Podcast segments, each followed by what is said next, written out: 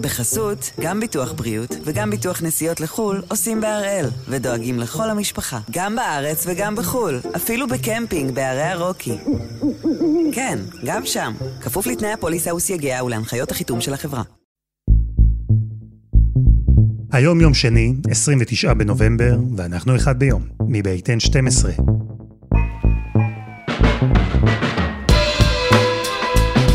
אני אלעד שמחיוף, ואנחנו כאן כדי להבין טוב יותר מה קורה סביבנו, סיפור אחד ביום, כל יום.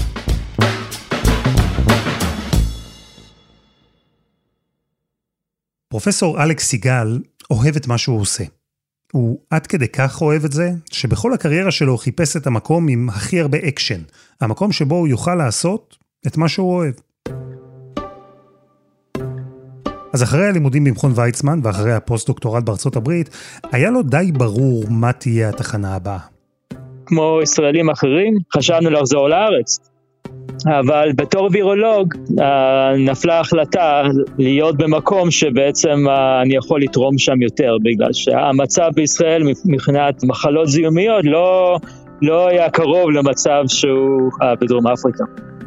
אז, בימים שבהם קורונה הייתה רק שם של בירה, לא באמת היה לו מה לחפש בישראל, ובדרום אפריקה הייתה מלא עבודה בתחום. הוא עסק בחקר האיידס ובשחפת, ועם הקורונה בכלל הוא עבד מסביב לשעון. המעבדה שלו במכון האפריקאי לחקר הבריאות הייתה הראשונה בעולם שבודדה את וריאנט בטא, ההוא שלפני כן נקרא הווריאנט הדרום אפריקאי.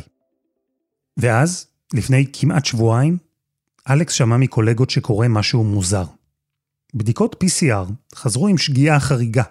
עניין גנטי שסימל שכן, נמצא וירוס קורונה, אבל הוא אחר. אז הם החליטו לבדוק את זה לעומק. פתאום ראו משהו שלא ראו קודם. אתה רואה 32 מוטציות באחד החלבונים, זה, זה מדאיג אותך, זה, זה קפיצה גדולה. ישר, המדענים הדרום אפריקאים הבינו שיש פה וריאנט חדש, וריאנט חריג, והם עשו את הדבר האחראי, הודיעו לעולם. במקביל, הם עשו עוד משהו. התקשרו לאלכס. ואז נותנים את זה לי. Uh, ומה שאני עושה עם זה, זה אני מגדל את הווירוס ככה שנוכל לבדוק בדיוק מה הוא עושה. Uh, ביקשתי מהם, חבר'ה, תפשירו תאים, תשימו שם את הווירוס, בואו נתחיל לגדל. המעבדה של אלכס בדרום אפריקה עסוקה עכשיו מאוד בניסיון להבין מה זה הווריאנט הזה, שבינתיים קיבל את השם אומיקרון. וזה לא סיפור קל, אין עוד מספיק דגימות ממנו, אז צריך לייצר אותו במעבדה. צריך לעשות המון בדיקות. כמובן, העיניים של כל העולם מסתכלות, מחכות לתשובות, ומהר. אני באמת חושב שהכל דברים יעבדו טכנית, אבל uh, אני חושב שאני יודע מה היו התוצאות, בגלל שראינו דברים כאלו. הווירוס הזה הוא וירוס ישן-ישן, שישב איפשהו שנה וחצי. ולדעתי אני יודע איפה הוא ישב, אז הוא ישב בתוך uh, בן אדם אחד. וזה כבר אומר לי הרבה על מה הווירוס הזה עושה. עוד נסביר את זה, כי זה מעניין. אלכס ומומחים אחרים חושדים שהאומיקרון התפתח לו בשקט בשקט כבר שנה וחצי. ובכלל, נכון שיש הרבה סימני שאלה, אבל כבר מתחילות להצטבר גם כמה תשובות. אז הפעם אנחנו עם הסיפור של אומיקרון. מה יודעים, מה לא יודעים, ומה כל זה אומר.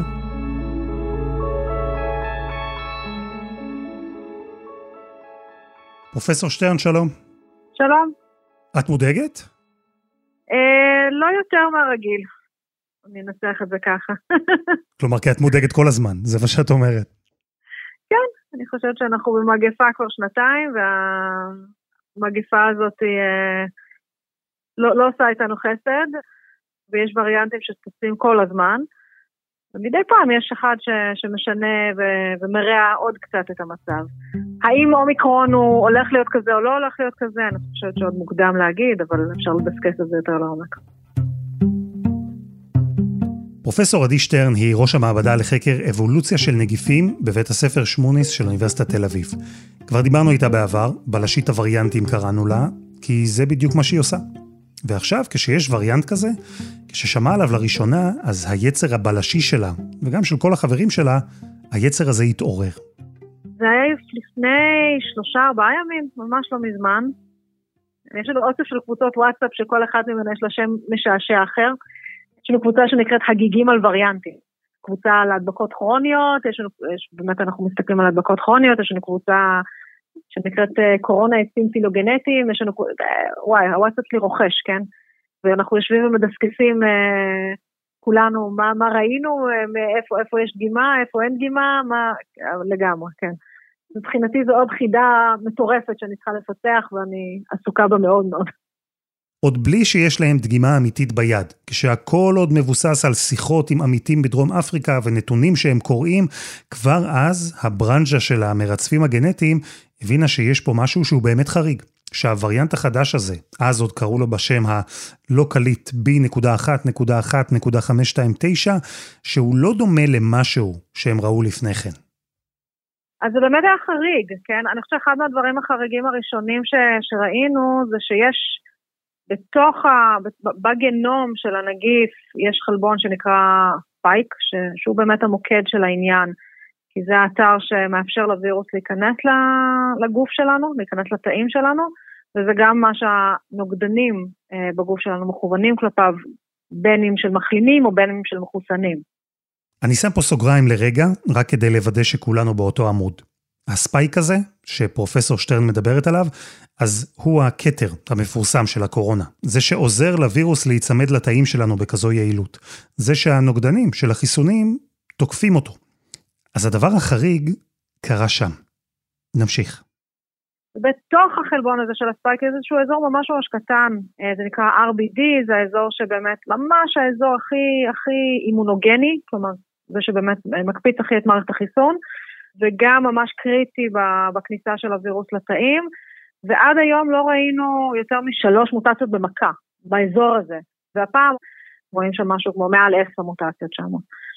אה, אז זה, זה ממש הקפיץ, כלומר זה היה ממש ממש חריג. אז היו המון מוטציות, והמיקום שלהן היה בדיוק בנקודה הקריטית הזו שמשפיעה על האופן שבו הווירוס תוקף את הגוף שלנו. וכל המוטציות האלה, הן כאלה שהכרנו מראש? אז, אז יש גם וגם, כן, יש פה גם מוטציות שהן מוכרות מווריאנטים אחרים. שתיים, שלוש שהיו קיימות בווריאנט, במה שנקרא הווריאנט הבריטי, באלפא, ועוד כמה שהיו קיימות בבטא, ועוד כמה שהיו קיימות בלמדה, ועוד כמה... אז זה כאילו שהוא צבר לו כל מיני מוטציות מכל מיני וריאנטים קודמים, ויש פה גם מוטציות שהן חדשות, שאף אחד לא מכיר. שאף אחד לא זיהה לא בניסוי ולא בווריאנטים אחרים. אז באמת רואים פה התרחשות מאוד מאוד דרמטית. אז זה באמת מה שהקפיץ את הקהילה. אנחנו יודעים בעצם מה כל זה אומר? איך כל המוטציות האלה ביחד מתורגמות בפועל? זאת שאלת השאלות, כן. יכול להיות שכמות כזאת היא אפילו אה, מזיקה לנגיף, כן? כלומר, כשיש הרבה מוטציות לפעמים מתחילות להתנגד, גם אם אחת מהן יכולה להיות במרכאות טובה לנגיף, והשנייה גם טובה לנגיף, אבל ביחד יכול להיות שכבר הקומבינציה לא תאפשר לנגיף להתרבות טוב. אז אנחנו לא יודעים, אנחנו באמת באמת לא יודעים. לא יודעים, אבל מעריכים. וריאנט עם המון מוטציות, עם כמות שלא חשבו שאפשרית בכלל של מוטציות בספייק, המקום הכי קריטי של הקורונה, וכל זה קורה במקביל לעלייה חדה של תחלואה בדרום אפריקה. המקום שבו הווריאנט הזה התגלה. יש שם זינוק של 900 אחוזים במקרים המאומתים בשבוע. אז ברור שזה, על הנייר, או ליתר דיוק מתחת למיקרוסקופ, ברור שזה מאוד מטריד. ועכשיו צריך להפוך את ההערכות לידע, לבדוק מה הקטע של האומיקרון באמת. אבל קודם, חסות אחת, וממש מיד חוזרים.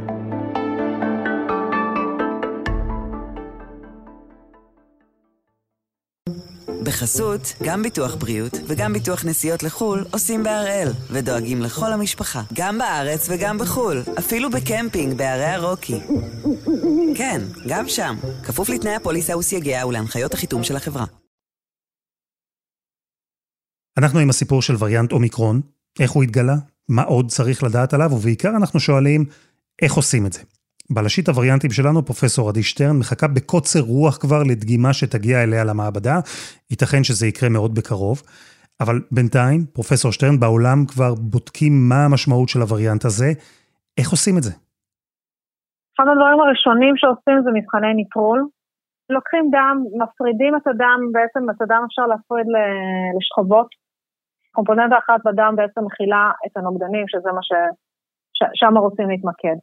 במקביל בעצם מגדלים וירוס בתרביות תאים, ואז ממש שופכים את הסרום מהמחלים על התרביות תאים, ובודקים האם הווירוס ממשיך לגדול או לא ממשיך לגדול. כשאומרים לנו שרוצים לבדוק אם הווריאנט עמיד בפני החיסון, על זה מדברים, על מבחני ניטרול. בודקים עכשיו את כל האפשרויות, נוגדנים מדם של מחוסנים, נוגדנים של מחלימים, נוגדנים של מחלימים מחוסנים, הכל. וכשמשלבים את הנוגדנים עם דגימות של אומיקרון, אז מגלים אם החיסון משפיע עליו או לא, עד כמה הוא משפיע עליו. פייזר ומודרנה כבר עושות את זה, הם אמרו שייקח בערך שבועיים עד שנקבל את התשובות. ופרופסור שטרן, אני ממש לא רוצה להישמע כמו אוהד כדורגל שיושב על הספה וצועק על השחקנים יאללה רוצו. אבל זה באמת לוקח שבועיים הסיפור הזה? אי אפשר יותר מהר? לא, לא, לא, זה מבחנים שעושים יחסית מהר. המבחן לוקח אה, כמה ימים, כן? ועכשיו אתה רוצה לחזור על המבחן הזה, אתה לא רוצה לעשות אותו פעם אחת, אתה רוצה לעשות אותו, כמו שאמרת, על כל, כל הסוגים של המחוסנים והשונים וה, אה, והמשונים. שבועיים זה מהר, כן? זה לא, זה לא איזה פרק זמן אה, ארוך בעיניי. מאוד, מאוד סביר. השאלה אם בסוף, מה שאנחנו נראה במעבדה, זה מה שיקרה גם בעולם האמיתי? כי לא תמיד זה ככה. נכון. נכון, עכשיו באמת, זה, זה נקודה שחשוב לי לשים על השולחן. אם חוזרים לברי, לאותו וריאנט בטא שהתגלה בתחילת השנה בדרום אפריקה, בדרום אפריקה הוא השתלט. אה, אה, זאת אומרת, הוא השתלט על כל ההדבקות בדרום אפריקה, ויצר שם באמת גל נוראי של תחלואה. היה חשש מאוד גדול מהווריאנט הזה, כי גם הוא באמת ראו ירידה ביעילות הניטרול, ולמרות זאת הוא לא השתלט על שאר העולם. אה, בעצם מה שבסוף השתלט על העולם זה היה זן אלפא, הווריאנט הבריטי. והוא לא הצליח לדחוק את אלפא בשאר העולם חוץ מבדרום אפריקה. אז, אז מה שאני מנסה להגיד זה שיש פער מאוד גדול בין מה שאנחנו יכולים לראות במדינה אחת ומה יקרה במדינות אחרות, ובין מה שאולי נעשה פרדיקציה במעבדה ובין מה שיצא בפועל. כלומר, יש, אה, לצערי יש המון המון שאנחנו לא יודעים עדיין. אה, ולכן מאוד מאוד קשה לחזות אה, דינמיקה של וריאנטים. את מדברת על דינמיקה של וריאנטים. אנחנו שמענו מפרופסור אלכס סיגל מדרום אפריקה, שההערכה שלו היא שאומיקרון יתפתח במשך שנה וחצי. כי החוקרים לא מוצאים פה דמיון לזן הדלתא, העדכני יחסית, אלא הרבה נקודות משותפות לזן ישן יותר של הקורונה. מה זה אומר? אני חושבת שזה מרמז שבאמת זה איזשהו זן שהסתובב ושאף אחד לא ראה אותו, לא שם לב אליו, כן? אה, עכשיו זה לא מאוד מפתיע, כלומר יכול להיות שזה באמת משהו שהסתובב ביבשת אפריקה, ששם לצערנו, כן, אין, אין, אין ריצוף כמעט בכלל, והסתובב ואף אחד לא שם לב ואף אחד לא, לא ראה, אה, ורק כשזה הגיע לדרום אפריקה, שזאת המדינה שבעצם מרצפת אה, אולי הכי הרבה בכל יבשת אפריקה, רק אז שמו לב לזה בכלל. כלומר, יכול להיות, זה מה שאני מבין ממך, שיש אדם אחד שנדבק בקורונה כבר לפני שנה וחצי, במשך כל הזמן הזה הוא הסתובב בלי לדעת בכלל שהוא נשא של הווירוס, ובמשך כל הזמן הזה הגוף שלו הפך לאיזה סוג של מפעל לייצור וריאנט האומיקרון. וריאנט שרק עכשיו בעצם הבשיל, התפשט והתגלה.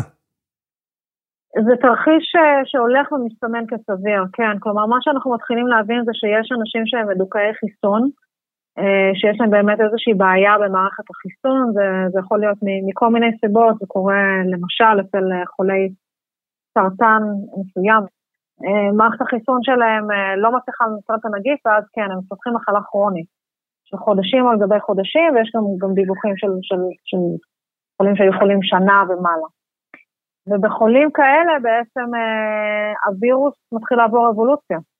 צובר עוד ועוד ועוד מוטציות, יש שם את כל הקומבינציות כאלה של מוטציות בספייק. וכן, זאת, זאת אחת מההיפותזות המובילות היום על איך וריאנטים נוצרים. אה, אז זה יכול להיות חולה אחד כזה, וכמובן שזה יכול להיות גם כמה חולים, כן? זאת אומרת, אני חושבת שבסיטואציה הנוכחית שיש כל כך הרבה הדבקות ברחבי העולם, קורים כל כך הרבה דברים ש... שאולי נשמעים כחריגים או מוזרים, אבל כשאתה מאפשר לווירוס להתפשט בצורה כל כך נרחבת בעולם, אז קורים הדברים החריגים והמוזרים האלה. אז פרופסור שטרן, אנחנו שומעים אינדיקציות שהחיסון יעיל בצורה כזו או אחרת, גם אם הוא לא מונע הדבקה באותה יעילות, הוא כן בתקווה מונע מחלה קשה. ויש גם סימנים מעודדים מדרום אפריקה, שבינתיים לא רואה איזו עלייה חדה באשפוזים, או תסמינים שלא הכרנו, ואנחנו עדיין לא יודעים אם החששות של המדענים יתממשו בעולם האמיתי. ראינו מקרים בעבר שבהם זה קרה, וגם מקרים שבהם זה לא קרה. ובהתחשב בכל זה, מה דעתך על התגובה שאנחנו רואים גם בישראל ובכלל בעולם? אני חושבת שנוצרה איזו תחושה של פאניקה כללית שאני לא חושבת שהיא מוצדקת. כי שוב, אני, אני כרגע, לתפיסתי, זה בערך 50-50, כן? אם הווריאנט הזה ישתלט או לא ישתלט מאוד. 50, אני, אני לא באמת, אני לא מרגישה שיש לי שום אמצעי לחזות האם הווריאנט הזה אה, ישתלט על ישראל, האם זה אפילו ישתלט על דרום אפריקה, זה קשה מאוד לחזות. אני חושבת שהמהלך לסגור את הגבולות מדרום אפריקה היה נכון, אבל באמת ברמה של, כדי שיהיו לנו כמה ימים להיערך. כן, אני חושבת שכבר בעבר ראינו שבסוף, בסוף דברים נכנסים. אפשר להשחות קצת את, ה, את הכניסה. לעצור לגמרי, אני, אני קשה לי להאמין שאפשר יהיה לעצור, ואני חושבת שיותר חשוב באמת לקחת את הכמה ימים האלה בשביל, בשביל באמת לתת למדע לעשות את שלו, להבין אם יש פה בסיס בהלה או לא, זה ממש לקנות זמן. אז צריך להפריד פה בין שני מסלולים, המדע והמדיניות, החוקרים והמנהיגים. כי בזמן שהחוקרים חוקרים, וזה לוקח זמן, המנהיגים צריכים למצוא תשובות כאן ועכשיו. וזה עניין מורכב, ושני המסלולים קשורים אחד לשני. שלום עמליה דואק. שלום אלעד. איך קיבלו בירושלים את הבשורה על האומיקרון? אני חושבת שבירושלים קצת בפוסט-טראומה מווריאנט הדלתא. אה, אז הייתה גם ביקורת מאוד מאוד נוקבת של מי שהיום ראש הממשלה בנט, שהוא אמר לא נערכו בזמן, ופרצת נתב"ג והכל, והוא עושה כרגע הכל כדי לא לחזור על אותן טעויות. עכשיו, יש כאן איזשהו סחף עולמי. כלומר, כל מדינה, ישראל ביניהן, מסתכלת מה האחרות עושות, רואים מה עושים אצלכם בבריטניה, רואים מה עושים באירופה, ואף אחת לא רוצה להיות זאת שלא פעלה בזמן. ובעוד שבדלתא, רוב המדינות לא פעלו בזמן, כולל גם ישראל, אז הכ... הפעם יש ממש איזשהו מרוץ חימוש, כלומר, מי תעשה את הצעדים ראשונה. ובהיבט הזה דווקא ישראל כרגע היא באמת מובילה עולמית, כלומר, גם ההחלטה שהתקבלה לא להכניס לכאן זרים בכלל, אה, גם ההחלטה להרחיב את הבידוד לשלושה ימים למחוסנים ומחלימים, ושבוע במלוניות לחוזרים ממדינות אדומות, אלה החלטות שהן דרמטיות. עכשיו, מגיעה הדילמה הבאה. האם אתה מטיל מגבלות גם בתוך גבולות ישראל? על פניו, יכולת לבוא ולקבל החלטה, עוצרים הכל. ובשלב מאוד מוקדם, אפילו עוד לפני שהתכנס קבינט הקורונה, כבר ראש הממשלה אמר, אני לא עושה את זה. אני משאיר את ישראל פתוחה, ההגבלה היחידה תהיה רק על, על השמיים. הסיבה היא בין היתר גם כלכלית.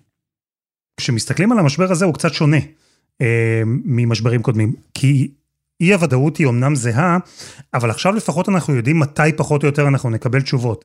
נכון. זה משפיע על אופן קבלת ההחלטות? אני חושבת שכן, ואתה מאוד צודק בשני מובנים. דבר ראשון, ברור לנו שאנחנו באמת באיזשהו טווח זמן של משהו כמו שבועיים, אולי אפילו זה יהיה שבוע וחצי מהיום, כשנקבל את האינדיקציות מהמעבדות לשאלת מיליון הדולר, מיליון הווריאנטים במקרה הזה, מה ההשפעה של החיסון מול הדבר הזה? עכשיו, כל האינדיקציות באמת מראות שבסך הכל מי שיתחסן כנראה יחלה בצורה קלה.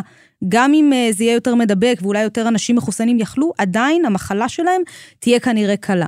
אבל עד שלא תתקבל האינדיקציה הסופית הזו, לא יוכלו באמת באמת להבין האם אנחנו כאן בדרמה מטורפת או אולי באזעקת שווא. עכשיו, אני אישית חושבת שמשרד הבריאות לא מספיק מדגיש את הנקודה הזו שהחיסון הוא באמת כנראה יעיל. הם מאוד מאוד זהירים, הם מחכים לתוצאות הרשמיות. מצד שני, זה גם מאפשר לאנשים במשרד האוצר, למשל, לבוא ולהגיד, חבר'ה, אין לנו סיבה כרגע לעשות איזה מתווה פיצויים מאוד רחב, גם אם חברות התעופה והתיירות ייפגעו, כרגע אנחנו מדברים על שבועיים. אז זה קצת משרת את כל הצדדים. זה גם מאפשר אה, לראש הממשלה ולשר הבריאות לקבל החלטות שהן מבחינתם מז'וריות, אבל להגיד, זה רק לשבועיים כרגע, ואז נראה מה קורה. זה גם מאפשר למשרד הבריאות לא לצאת בהצהרות נחרצות מדי ולהגיד, בואו נחכה שבועיים ונראה מה קורה, וגם מאפשר לאנשי הכלכלה עוד לא לרוץ ולתת פיצויים לאנשים, ולחכות לראות מה קורה. בסוף אה, זה הימור, אולי זה הימור מושכל, אבל כל עוד אנחנו לא יודעים בוודאות מה המשמעות של הווריאנט החדש, על החיסונים או תסמינים, אז יש פה הימור. השאלה אם אפשר לשרטט כבר צדדים, את הצד בישראל שאומר שצריך לקחת כמה שפחות סיכון עד שנקבל תשובות, ואת הצד שחושב שאפשר להיות יותר מקלים. אני חושבת שהיה פער מאוד מעניין בטרמינולוגיה בין ראש הממשלה לשר הבריאות. אנחנו במצב חדש. הווריאנט B11529 שמגיע מדרום אפריקה הוא מדאיג ביותר. לפעולות שלנו יהיה מחיר מסוים, מחיר כלכלי. אנחנו מודעים אליו ואנחנו נערכים כרגע לסייע למי שנפגע. אה, ראש הממשלה בא ודיבר ביום שישי על מצב חירום. הוא דיבר לאזרחים הישראלים ממש במונחים של, ויש מי שאמרו בתוך הקבינט, ממש דיבר בפאניקה מסוימת. ובא שר הבריאות וניסה א', להוריד את הטון, עוד במסיבת העיתונאים ביום שישי, ואומר לציבור לא צריך להיכנס לבהלה, אה, הכל תחת שליטה. אין צורך להיכנס לחרדה, אנחנו מתנהלים בקור רוח, בזהירות נדרשת, המצב בשליטה, ואנחנו הרבה יותר מנוסים היום בהתמודדות אחראית. מנסה להשתמש בטרמינולוגיה שהיא הרבה יותר אה, עדינה ומחושבת, אם תרצה, אה, וזה מראה לך את הפער בתפיסות. וזה בא לידי ביטוי גם ביחסי הכוחות בקבינט. אני חושב שבתוך מערך השיקולים הזה שווה לדבר גם אולי על שיקול רחב יותר, וזה מה קורה אם עכשיו אנחנו באמת פועלים בכל הכוח על הווריאנט הזה, mm-hmm. עוד שבועיים מתברר שהוא לא כצעקתה, mm-hmm. המגפה עוד לא נגמרה, יהיו גם עוד וריאנטים, זה משהו שנלקח בחשבון? תראה, אני חושבת שכן, אני רוצה להאמין שכן, אבל uh, נראה לי שמשאלת הלב ש, של כל אנשי משרד הבריאות ומשרד ראש הממשלה זה שזאת תהיה אזעקת שווא, שזה יהיה תרגיל על רטוב.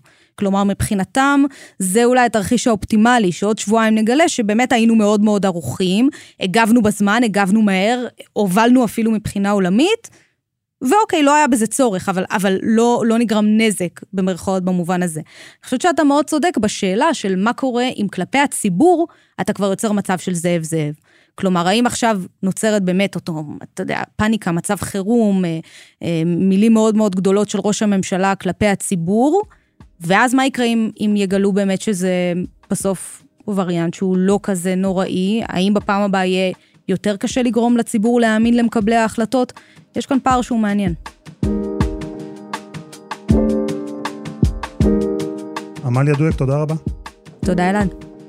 ותודה רבה לפרופסור עדי שטרן ולפרופסור אלכס סיגל.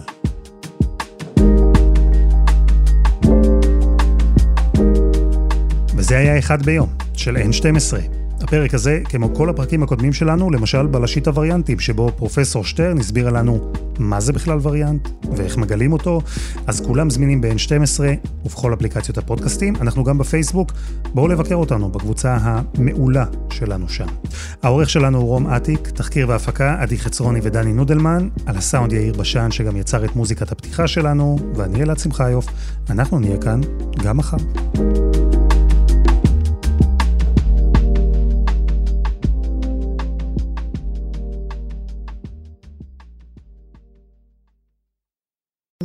בחסות, גם ביטוח בריאות וגם ביטוח נסיעות לחו"ל עושים בהראל, ודואגים לכל המשפחה, גם בארץ וגם בחו"ל, אפילו בקמפינג בערי הרוקי. כן, גם שם, כפוף לתנאי הפוליסה וסייגיה ולהנחיות החיתום של החברה.